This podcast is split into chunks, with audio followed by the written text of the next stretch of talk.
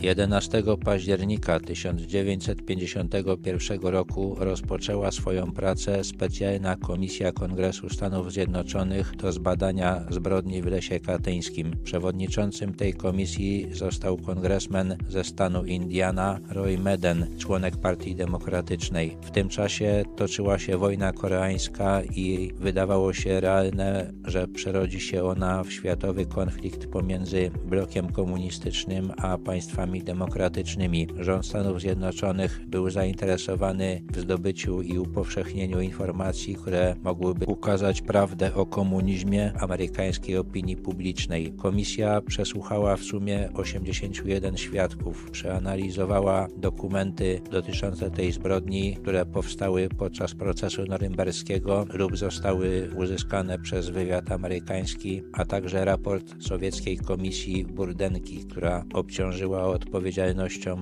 za tą zbrodnię Niemców. Generał Clayton Bissell, zastępca szefa wywiadu amerykańskiego, zeznał przed tą komisją, że utajnił raport pułkownika Van Fleeta, wziętego do niewoli oficera Armii Stanów Zjednoczonych, który był naocznym świadkiem ekshumacji polskich oficerów pomordowanych w Katyniu, ponieważ widział w nim źródło potencjalnie kłopotliwej sytuacji. Komisja zakończyła swoją pracę w grudniu 1952 roku i sporządziła raport, w którym stwierdziła, iż w przekonaniu wszystkich członków komisji za zbrodnię odpowiada rząd sowiecki. Uznała, że prezydent Roosevelt i jego administracja ignorowali wiadomości o zbrodni, ale było to zaniedbanie, a nie działalność celowa. Komisja zaleciła utworzenie Międzynarodowej Komisji do zbadania tej zbrodni pod egidą ONZ. Raport ten został przekazany sekretarzowi generalnemu Organizacji Narodów Zjednoczonych.